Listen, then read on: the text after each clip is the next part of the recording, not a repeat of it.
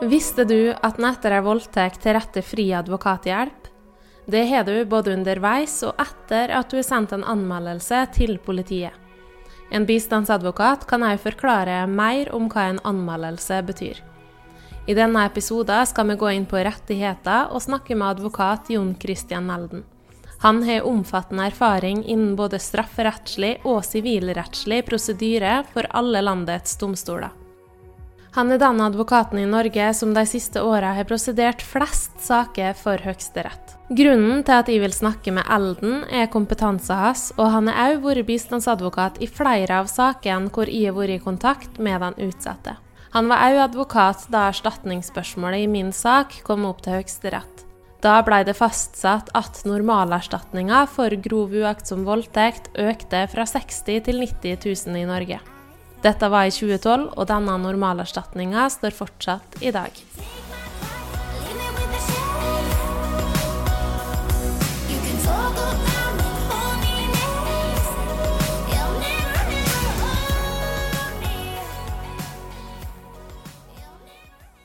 Jeg spurte overgrepsmottaket om hva det første en burde gjøre etter at en har blitt utsatt for voldtekter.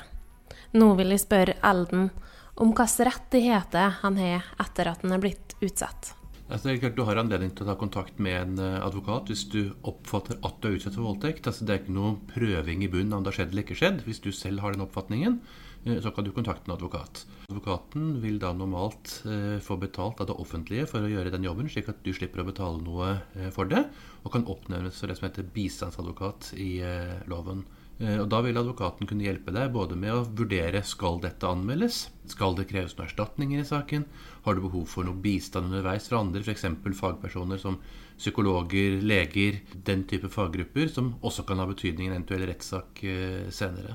Og så kan advokaten gi generell råd og bistand for hvordan du kan komme deg best mulig ut av situasjonen. Samtidig så er ikke advokaten en sosionom, eh, og heller ikke en psykolog i seg selv, så det er liksom avgrensningen til det som har noe med de juridiske sidene og rettslige sidene av saken å gjøre.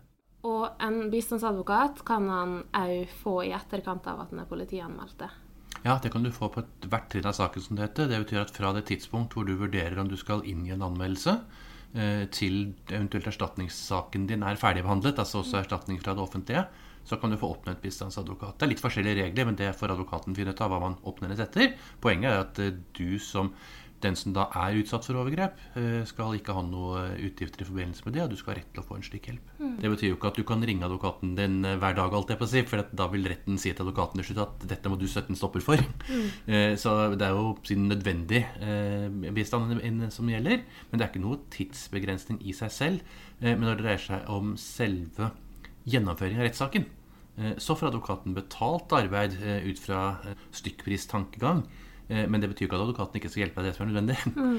Eh, slik at Det er jo ikke noe argument eh, for å si at du får ikke bistand fordi at man bare får betalt sånn og sånn. Hvis det er nødvendig i den enkelte sak med mer bistand, så må advokaten bare gå til retten og forklare det. Mm. Så er det dommeren som avgjør. Sovevoldtekta jeg ble utsatt for i desember 2009, kom til tingretten i september 2010. I forkant lurte jeg på hvordan en rettssak fungerte. Jeg fikk forklart fra bistandsadvokat, og fikk òg en runde i rettssalen. Likevel opplevde jeg dette som skummelt på forhånd, som jeg òg har fått høre fra mange andre som har opplevd voldtekt og skal gjennom en rettssak. Jeg forteller min opplevelse til Elden, og spør om han kan beskrive hvordan en rettssak fungerer. Det er nok mer eh, skummelt fordi man ikke har gjort det før, mm. Eh, enn fordi at eh, det er så veldig mange slemme mennesker i rettssalene. Eh, vi er i 2020. Eh, alle som er i den salen, fra de profesjonelle partene, eh, vet noe om hvilke belastninger dette legger på, ikke minst hvordan de som kommer inn og skal vitne, er redde for å møte. Helt uavhengig av hvilken sak det er. Dette er ikke bare voldtektssaker, dette er jo alle typer saker. Men man skal ha en viss ærbødighet overfor retten også. Det ligger jo litt i at uh, du skal inn der, du skal forklare en viktig uh, forklaring. Den skal være sann, den kan få store konsekvenser for andre. Så det er klart at litt høytidelighet skal det være i det. Og så avlegger du en forsikring også, ikke sant, på at du forteller det som er sant, og verken mer eller mindre. Og du kan straffes hvis du gir en riktig forklaring. Så det er klart, det, det er høytidelighet i dette. Det betyr ikke at man ikke skal møtes på en god måte.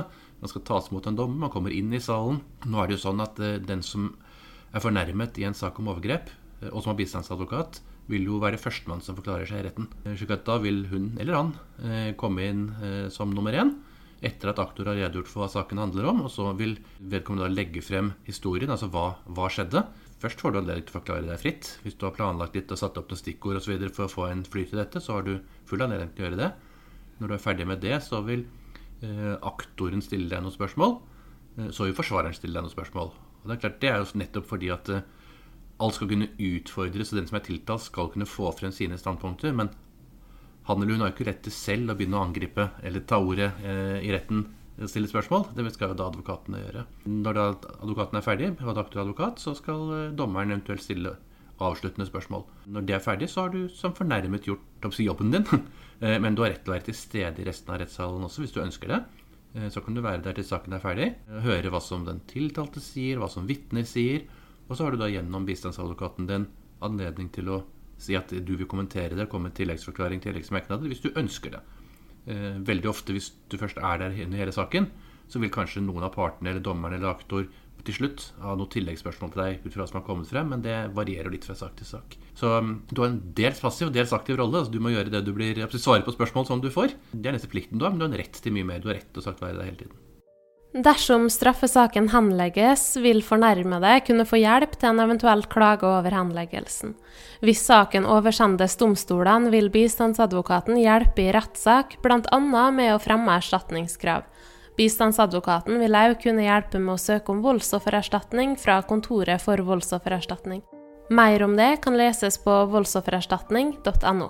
I forkant av denne innspillinga la jeg ut på Vi tror deg sine sosiale medier om noen hadde spørsmål til Elden.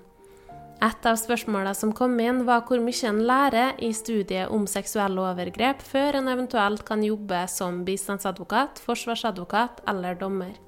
Som et isolert tema helt minimalt. Ja. Eh, altså, Jusstudiet er jo primært juridiske. Det er et seksårsstudium.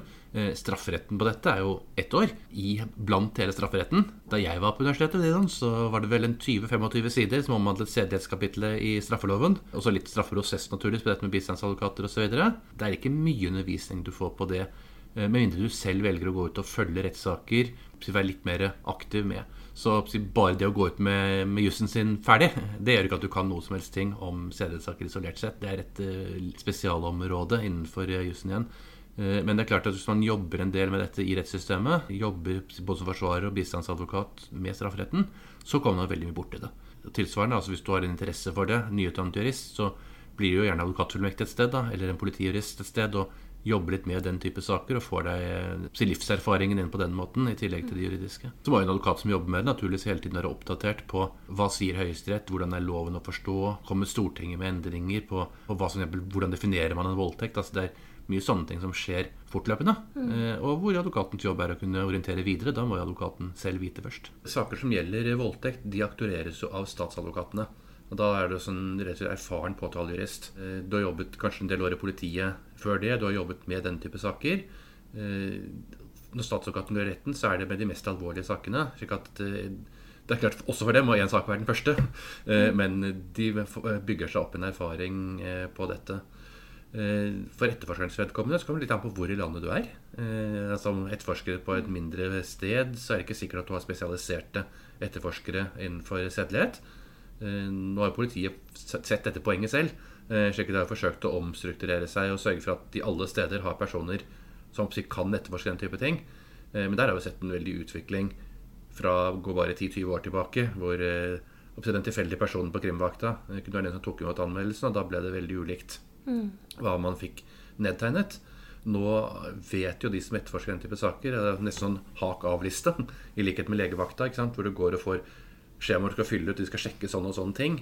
Eh, og det samme gjør jo etterforskerne. Også det vi får av materiale fra politiet, er mye bedre enn det var for eh, noen år tilbake.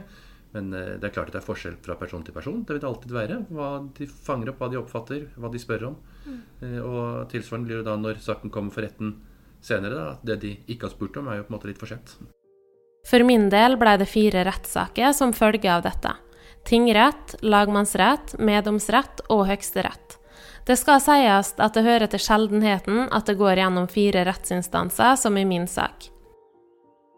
Og I forhold til det å komme opp i høyesterett, så er det vel eh, få saker som går så langt at det blir høyesterett. Det er jo tingrett og lagmannsrett som er det Ja, De aller fleste saker stopper der. Og, i hvert fall, og partene vil jo aldri måtte møte i Høyesterett. slik at altså en fornærmet eller for en tiltalt har normalt ikke ord eller sier noe i Høyesterett. Der behandler man det ut fra saksdokumenter, muntlige prosedyrer fra advokatene.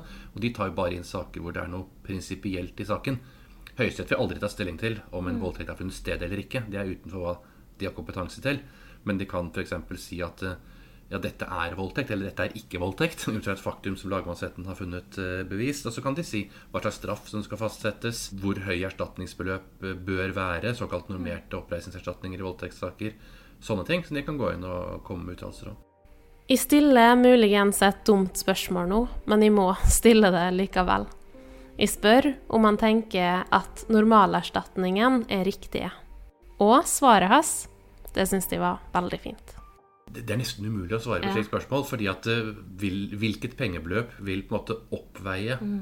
den følelsen du har, eller den skaden som du har tatt på kropp og sjel etter et overgrep? Altså, De fleste vil si at det er helt umulig å måle det i penger, og det er det også.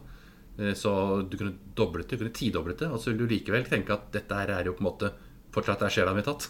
så det er jo bare fordi at man i Norge har lagt seg på et nivå og forsøkt mer enn noe, som gjør at på den ene side så skal ikke folk gå til rettssak for å få penger. Liksom. Det skal liksom ikke være et motiv i saken.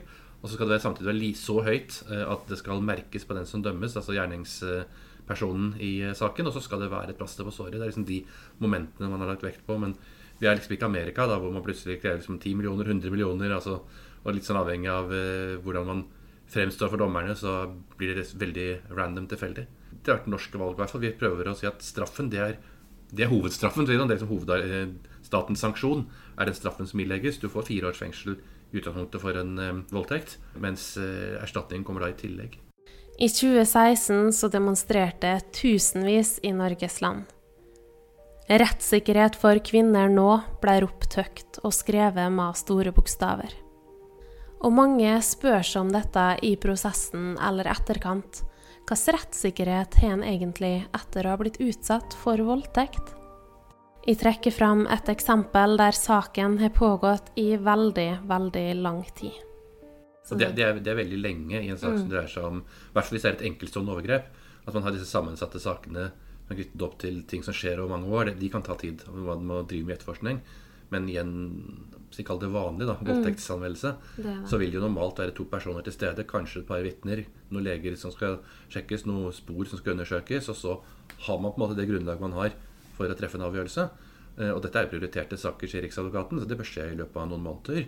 Eh, strekker du ut, utover det, så må det jo være en spesiell grunn til det. Mm. Men husk også at det er to parter som skal få sine rettigheter ivaretatt her. Det er også den som anklages. Eh, slik at det kan jo være forhold der som gjør at det kan trekke ut i tid. Det kan være at han skal naturligvis for at i sin forklaring også være et avhør. Det kan være ting som den som anklages, ønsker skal etterforskes.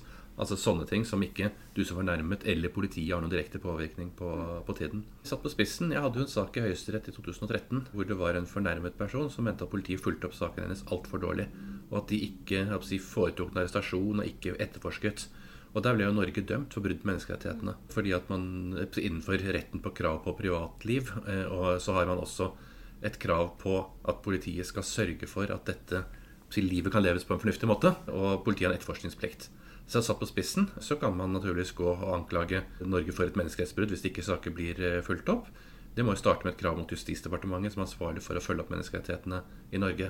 Det skal nok litt til, og kan ikke sende alle saker dit, for å si det sånn. Men eh, en annen instans, hvis man føler at politiet ikke følger opp saken og ikke gjør jobben sin, så har man jo Sivilombudsmannen, som også kan ettergå eh, hva politi og statsadvokat hvordan de har behandlet en straffesak. I ytterste konsekvens så har man jo også muligheten til å gå til en privat rettssak mot den man anklager som gjerningsmann. F.eks. å kreve erstatning. Og da får man jo belyst saken, i hvert fall i rettssystemet. Det, det som er med den, det er også en risiko. ikke sant? Fordi at da, Du bærer på en måte ansvaret selv. Du går til sak mot en person. Du kan risikere å tape saken fordi det ikke er tilstrekkelig bevisst.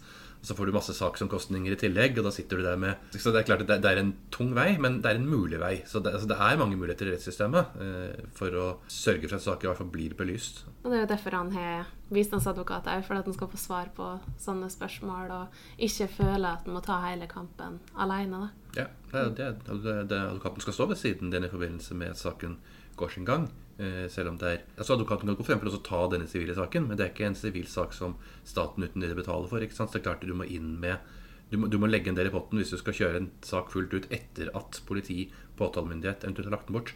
Systemet vårt er jo sånn at det er de som skal primært behandle straffesaker, og det er der statens ansvar ligger. Hvordan er det hvis en får oppnevnt en bistandsadvokat, og så er en ikke fornøyd med bistandsadvokaten? Er det noen mulighet for å bytte det? Ja, du kan eh, når som helst bytte bistandsadvokat ved å finne en annen advokat, eller be retten om å oppnevne en annen advokat for deg. Alle tingretter i Norge har en liste over bistandsadvokater i den rettskretsen. Så enten kan du be om å få se på den listen, Eh, eller du kan nær sagt gå i telefonkatalogen hvis du vil det. altså Du velger liksom selv å gi beskjed til retten hvem du ønsker oppnevnt, og så retten tar kontakt. Og sagt, Du har anledning til å bytte eh, i prinsippet når som helst. Det eneste er at også der tenker staten av til litt penger. Eh, slik at hvis du har brukt en advokat ganske lenge, så skal du bytte rett før en rettssak, så kan denne staten si at ja, du får lov til å bytte, men vi betaler ikke det arbeidet en gang til. Som gjør at altså, Hvis den nye advokaten må gjøre dobbeltarbeid, så må du betale for det. Akkurat selve bytting, det kan du aldri nekte det. Det her spørsmålet har mange stilt, og jeg sjøl tenkte òg på det da jeg gikk gjennom mine rettssaker. Mange utsatte opplever nemlig ubehagelige spørsmål fra forsvarsadvokater. Og spørsmålet er finnes det noen grense i forhold til hva forsvarsadvokater kan spørre om? Det er en grense for hva som er taktisk lurt å spørre om. Altså fordi at eh, Advokatene skal ivareta klientens interesser det er klart at Den er ikke alltid det samme som en fornærmelsesinteresser. Åpenbart ikke. Eh, fordi at skal jo, eller Forsvarsadvokaten eh, skal jo få frem er det løgn, er det uriktigheter i dette her? Er det ting som rent faktisk ikke stemmer, selv om du som fornærmet si, tror det stemmer? altså i, i, hodet ditt stemmer det, men det kan være ting som har skjedd annerledes. Det, det er jo advokatens oppgave å utfordre alt som kan være uriktig, og som gjør at klienten står i fare for å bli dømt feil. Men hvis advokaten går for brutalt ut, så vil det jo komme den situasjonen at da tenker retten og rettens dommere at stakkars fornærmede som blir utsatt for dette her. Og da er det jo litt Da teller du mot din egen klient igjen, ikke sant? Mm. Så det er ikke noe lurt for en forsvarer det. tror jeg de fleste har skjønt eh, gjennom årene at skal du få et eh, så godt resultat som mulig også for din klient, så nytter det ikke å kjøre en fornærmet person eh, på en måte som gjør at eh, dommerne blir sinte på deg. Altså du må på en måte, Da må du ha hold i det du spør om. For den som er fornærmet, er det jo rettesnor ganske enkel. Ikke overdriv. Ikke si mer enn det du kan gå god for. Ikke si mer enn det du faktisk si, vet eller mener at du vet. Eh, så kan det jo ikke gå galt med det, da. Mm. Ja, det er så sant. Altså. Det er der du kommer i dialogene hvor noen påstår er veldig påståelig ikke sant, og sier ting som åpenbart er feil. Det er da du får problemer, eh, som et vitne eller en fornærmet i en rettssak. Men da må advokaten, forsvarsadvokaten gjøre jobben sin og stille de kritiske spørsmålene. Hver dag får tre personer beskjed om at voldtektssaken de er anmeldt, er henlagt. Det viser en kartlegging VG har gjort. 83,7% av sakene ender med henleggelse, og 14,6% ender med tiltale og rettssak. Og av ti saker som kommer opp i retten, ender tre av dem med frifinnelse og sju med domfellelse. Det viser en rapport om voldtekt fra Kripos. Ja, det, er nesten en umulig målestokk. fordi at uh, på den side så sier man at man altså det, det, at du får flere anmeldelser, f.eks., betyr det at det skjer flere voldtekter? Eller betyr det at eh, flere er blitt seg bevisst og går og anmelder forholdene? Altså, hva, hva, Er det egentlig positivt eller negativt? Mm. At det kommer flere voldtektsanmeldelser? ikke? Altså, bare start der, så er det ganske vanskelig å svare på det spørsmålet. Det er jo slik i strafferetten da, at saker skal bevises. Altså Om det er en voldtektssak eller en drapssak eller en tyverisak, så er det fortsatt sånn at uh, alle vestlige land sin strafferett bygger på at uh, en rimelig tvil så kommer en anklaget person til gode. Og sånn må det nesten være. Og det betyr jo at uh, i voldtektssaker som i andre saker, så vil retten aldri legge seg på sånn 50% sannsynlighet for å dømme flest mulig riktig. Men vil dømme de som man er sikker på at er skyldige. Derfor har man også erstatningskravene. Erstatningskravene ligger jo mer til det er klart sannsynliggjort noe har skjedd osv. Altså større risiko da også for gjernings, uh, gjerningsmannen. Men så lenge målsettingen ikke er å få 50 %-grensen for riktighet av dommene, så vil det alltid være anmeldelser som ikke fører frem. Og så er det jo også en del anmeldelser eh, som ikke nødvendigvis oppfyller lovens krav eh, til å være voldtekt. Det er også en, et viktig poeng, fordi at det er, det er en forskjell på si, ufrivillig sex, altså sex du særlig etterpå ikke ønsket deg, og dagen etter ikke ønsket deg, og en voldtekt i lovens forstand. Så det er kanskje for langt inn i alle de definisjonene her og nå, men det er klart at det er jo den første oppgaven for, for en politijurist og statsadvokat. er å ta den vurderingen. Er det påvist at det har skjedd en voldtekt? Fordi at sex mellom to mennesker er i seg selv en lovlig handling. Og det er når den skjer på en bestemt måte, at det blir straffbart. Og den grensen er det jo ikke alle som har. Grunnvilkårene i loven er at det skal være brukt noen form for tvang, vold, et eller annet liksom inni saken et maktmiddel, altså, eller noe som er bent ned. Ja. Eller alternativet at du ikke er i stand til å motsette seg. Men det er også ganske sterkt vilkår, for da skal det måtte skje uten at du har vært i stand til å gjøre det. Ikke bare at du ikke har gjort det, men du skal ikke ha vært i stand til å gjøre det. Det er liksom en forutsetning for at voldtektsbegrepet kan brukes, er at det, det i, hvert fall er, i hvert fall er sagt nei. og gitt et klart uttrykk for at man ikke ønsker noe, hvis man har vært i stand til å gjøre det. liksom, du må ha det i bunn for å passere grensen til hva som kan være straffbart. Og det er klart at Den grensen er det ikke alltid like lett å finne, og særlig ikke dagen etterpå. Så kan det godt hende at du er trodd, men likevel at det du sier, er faktisk ikke straffbart som, som voldtekt. Altså, det har vært en ubehagelig opplevelse, men det er ikke en voldtekt. Det er ikke et overgrep i lovens forstand. Det er også politiets oppgave å fortelle deg, istedenfor å prøve å reise en tiltalebeslutning for å ende opp med en frifinnelse. Altså, det er jo heller det er å gjøre deg en bjørnetjeneste. På en måte, La oss prøve saken, da. Altså, det er det påtalejurister som ikke vet hva de holder på med, fordi at det er en bjørnetjeneste. Straffeloven deler voldtekt inn i tre kategorier. 1. Å skaffe seg seksuell omgang ved vold eller truende atferd. 2. Ha seksuell omgang med noen som er bevisstløs eller av andre grunner er ute av stand til å motsette seg handlinga. 3. Ved vold eller truende atferd får noen til å ha seksuell omgang med en annen, eller til å utføre handlinger som svarer til seksuell omgang med seg sjøl eller med en annen enn overgriper. Å true en person via internett til å ha seksuell omgang med seg sjøl eller f.eks. noen andre, vil per definisjon være voldtekt, sjøl om overgriper ikke er i direkte fysisk kontakt med involverte. Det finnes flere paragrafer som omhandler voldtekt. Seksuell omgang med barn under 14 år er òg å anse som voldtekt etter straffelova. Dette er fordi barn under 14 år ikke anses å ha samtykkekompetanse til seksuell omgang. Når det gjelder voldtekt av barn, er det ikke et krav om vold og trusler under handlinga. Om du eller noen du kjenner kommer i denne situasjonen der du vet eller mistenker at du har vært utsatt for et overgrep, håper jeg du vil dra til overgrepsmottaket, for der vil du få nødvendig hjelp og oppfølging.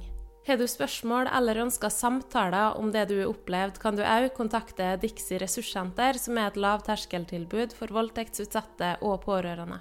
Alle som arbeider i Dixie, er fagutdanna med brei erfaring i feltet. Dixie ressurssenter har åpningstider mandag til fredag klokka 9 til 3 og kan nås på telefonnummer 22 44 40 50.